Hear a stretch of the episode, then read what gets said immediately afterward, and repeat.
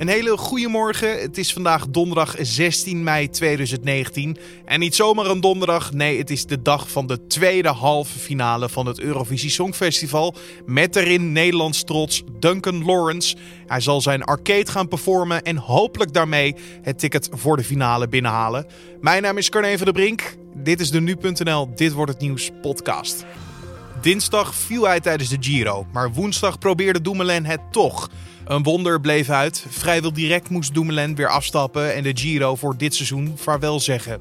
Dat geeft de Nederlandse wielrenner echter wel de ruimte om zich optimaal te richten op de Tour de France. Maar ja, de Tour blijft natuurlijk de grootste wedstrijd van het jaar. Vorig jaar werd hij daar tweede. Als hij daar weer om het podium mee kan doen, dan is het seizoen natuurlijk niet verpest. Alleen op dit moment hè, is dat natuurlijk nog even niet. Uh, ja, zal dit, ja, daar zal hij nu nog even niet mee bezig zijn. Je hoorde de Ridder, wielrenverslaggever van nu.nl. En met hem gaan we straks verder praten. Maar eerst kijken we naar het belangrijkste nieuws van nu. Ajax heeft zich woensdagavond na vijf jaar weer gekroond tot kampioen van Nederland. De ploeg van trainer Erik ten Hag won met 1-4 bij de Graafschap, waardoor de 34ste landstitel uit de clubhistorie een feit is. Het landskampioenschap is Ajax tweede prijs van dit seizoen, nadat begin deze maand al ten koste van Willem II de Toto KNVB-beker werd gewonnen. Het is voor het eerst sinds 2002 dat de Amsterdamse club de dubbel won. Europees mag Ajax ook terugkijken op een geslaagd seizoen, al was de uitschakeling door Tottenham Hotspur in de halve finale van de Champions League een aardige domper. Eind juli kan Ajax weer een prijs pakken. De recordkampioen speelt dan in de Johan Cruijff Arena om de Johan Cruijff schaal. En PSV is dan als nummer 2 van de Eredivisie de tegenstander. En vanmiddag om 4 uur zal de selectie van Ajax gehuldigd worden op het Museumplein in Amsterdam. De AIVD onderzoekt of het technologiebedrijf Huawei betrokken is geweest bij Chinese spionage in Nederland. Dat meldt de Volkskrant vandaag. Het bedrijf zou een verborgen achterdeur hebben naar klantgegevens van een van de drie grote telecomproviders in Nederland. Dat zijn Vodafone Ziggo, T-Mobile Tele2 of KPN. De AIVD wil niet reageren tegenover de krant op vragen over het onderzoek. Ook de Nederlandse telecomproviders onthouden zich van commentaar of zijn niet op de hoogte van het onderzoek van de AIVD. Een woordvoerder van Huawei laat weten dat het bedrijf niet meewerkt aan spionage. Zo zeggen ze: in elk land waar we zaken doen, houden we ons aan de wet en regelgeving en beschermen we de privacy van onze klanten. Het onderzoek van de AIVD vindt plaats op het moment dat Huawei onder westerse overheden al onder vuur ligt. Zij vrezen dat het bedrijf door de Chinese overheid gebruikt wordt om in het westen te spioneren. Een explosie heeft voor veel schade gezorgd aan een pand in de Haagse Schilderswijk. De ontploffing in de nacht van woensdag op donderdag was in een groot deel van de stad te horen. Het gebouw staat op de hoek van de Jan Blankenstraat en de Hoefkade, niet ver van het station Holland Spoor. Op beelden op social media is te zien dat onder meer ramen van huizen en winkels eruit zijn geknald.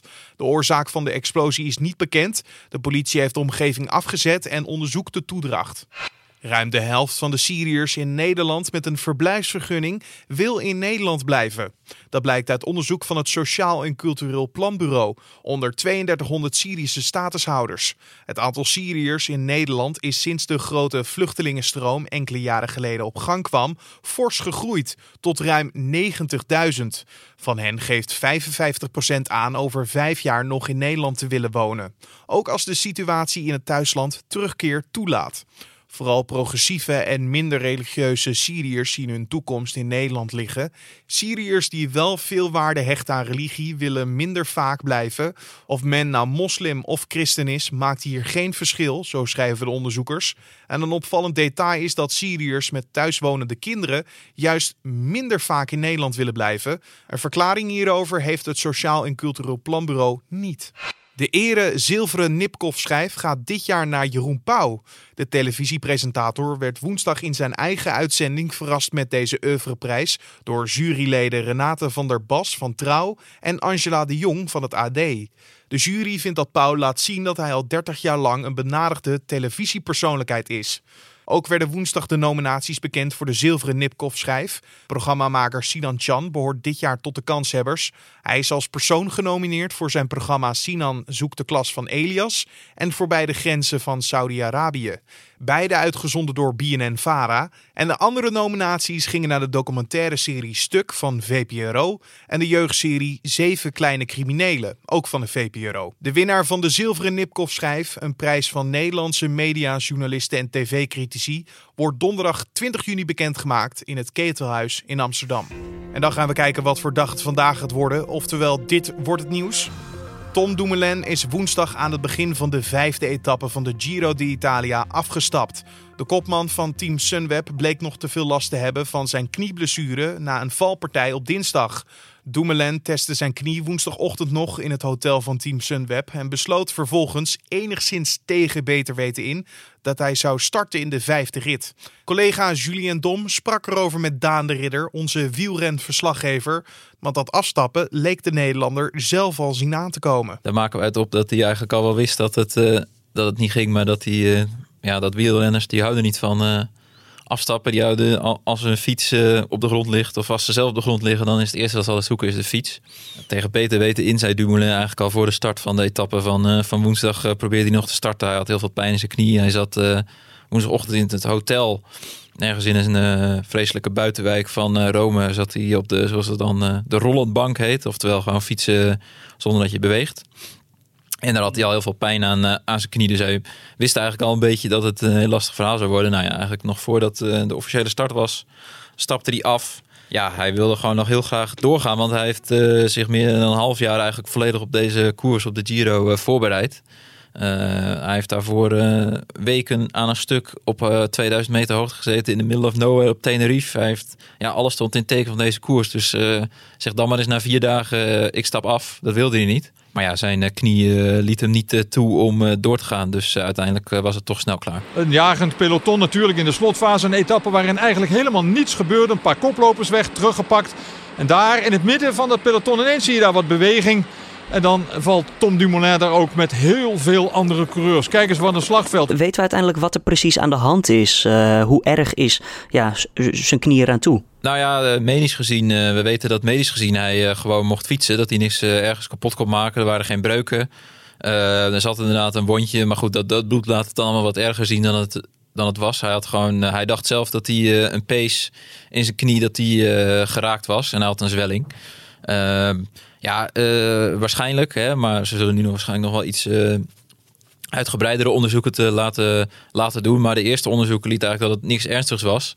Dus niet iets waarmee hij nu opeens weken last van gaat hebben. Alleen ja, uh, binnen 24 uur, of eigenlijk binnen nou ja, 18 uur ervan herstellen, dat, dat bleek onmogelijk. Wat betekent dit nou voor team Sun, Sunweb? Want kunnen zij nog iemand anders naar voren schuiven om mee te vechten voor de winst? Nee, dat uh, gaat uh, niet lukken. Ze hadden een hele team afgesteld op, uh, op Tom Dumoulin. Zeven man die in dienst treden van, van hem. ze hebben op het laatste moment, of eigenlijk ja, anderhalve maand van tevoren, een maand van tevoren, hebben ze nog Sam Omen opgeroepen als vervanger van Wilco Kelderman. En Sam Omen zou in principe uh, best voor een goed klassement kunnen gaan in, uh, in een grote ronde. Vorig jaar werd hij negende in de, in de Giro in dienst van uh, Dumoulin. Een heel, heel, heel groot talent en zal waarschijnlijk in de toekomst voor goed klassement gaan in, in grote rondes. Alleen ja, hij had eigenlijk zijn hele seizoen afgestemd op de Tour de France. Dus hij zou eigenlijk pas in topvorm zijn in, in juli. En toen kreeg ik opeens te horen dat hij naar de Giro moest in mei. Dus ja, in het huidige wielrennen kan het niet zo zijn dat je uh, eigenlijk gewoon als vervanger wordt opgeroepen, dat je programma omgegooid wordt en dat je dan nog voor een uh, goed klassement kan gaan. ja, ploegleider Mark Rees die zei ook twee dagen voor de start van het Giro, Sam Omen gaat dit jaar niet in de top 10 rijden. ongetwijfeld zal hij nog wel eens wat proberen, maar ja, hij zat ook om bijvoorbeeld om Dumoulin heen dinsdag in die etappe nadat hij viel. En uh, ja, hij heeft dus ook al vier minuten verloren. Nee, uh, zij zullen het nu moeten gaan hebben van, uh, van ritzegers. Dan de Tour de France staat voor 6 juli dan op de agenda. Is daar dan nog wel genoeg tijd voor op herstel? nou ja, Sam Omen zal nu niet de Tour rijden, omdat hij dus de Giro rijdt. Dumoulin gaat normaal gesproken wel de Tour rijden. Dat was hij al van plan. En dat zal nu natuurlijk helemaal ja, het nieuwe hoofddoel worden.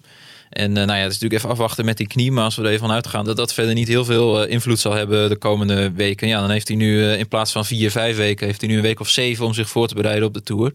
Ze zullen hun programma, ja, hun plannen moeten omgooien. Alleen ja, dat, dat maakt natuurlijk wel wat makkelijker om, om je voor te bereiden op die Tour. Hè. mensen als Chris Froome en Jaron Thomas, de winnaar van vorig jaar, die bereiden zich eigenlijk het hele jaar er al op voor. Nou ja, en, en ja, Sunweb kan nu ook een plan gaan uitstippelen richting die Tour. Alleen ja, het is natuurlijk wel... er waren veel mensen die na de valpartij op dinsdag zeiden van...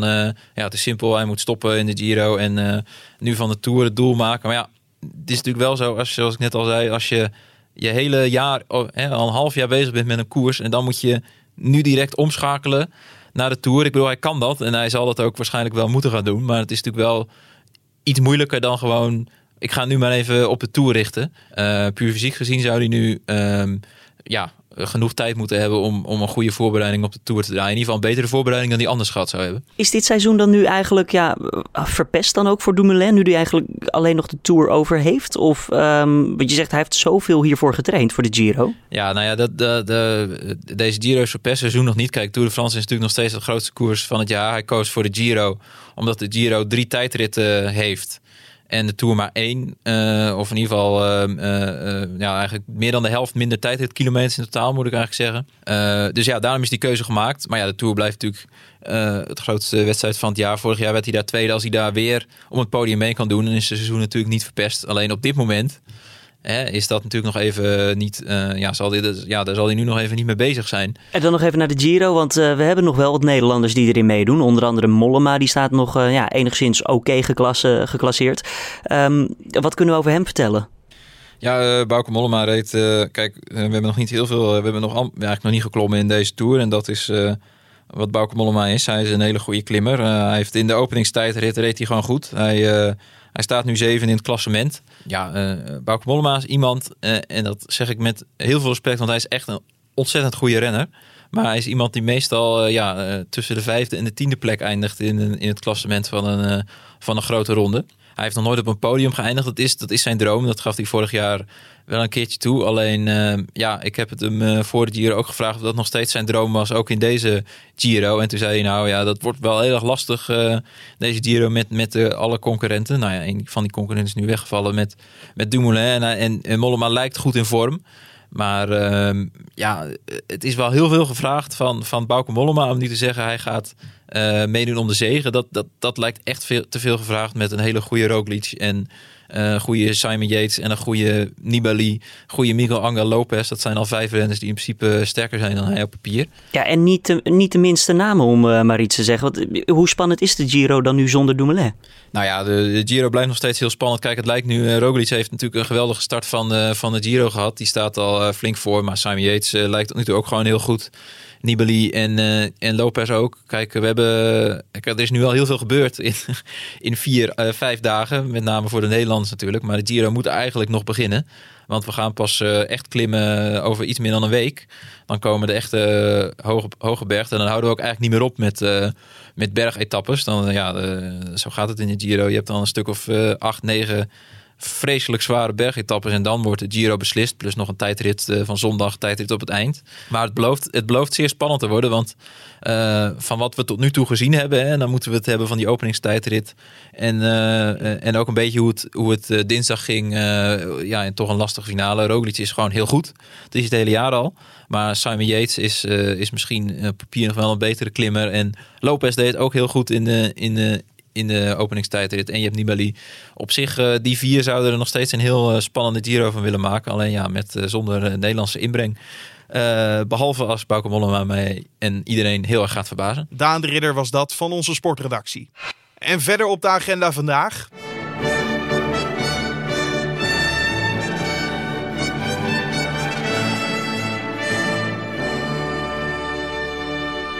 Vanavond is de tweede halve finale van het Eurovisie Songfestival in Tel Aviv. 18 songs zullen vanavond de revue passeren. Met natuurlijk Nederlands trots Duncan Lawrence met zijn nummer Arcade.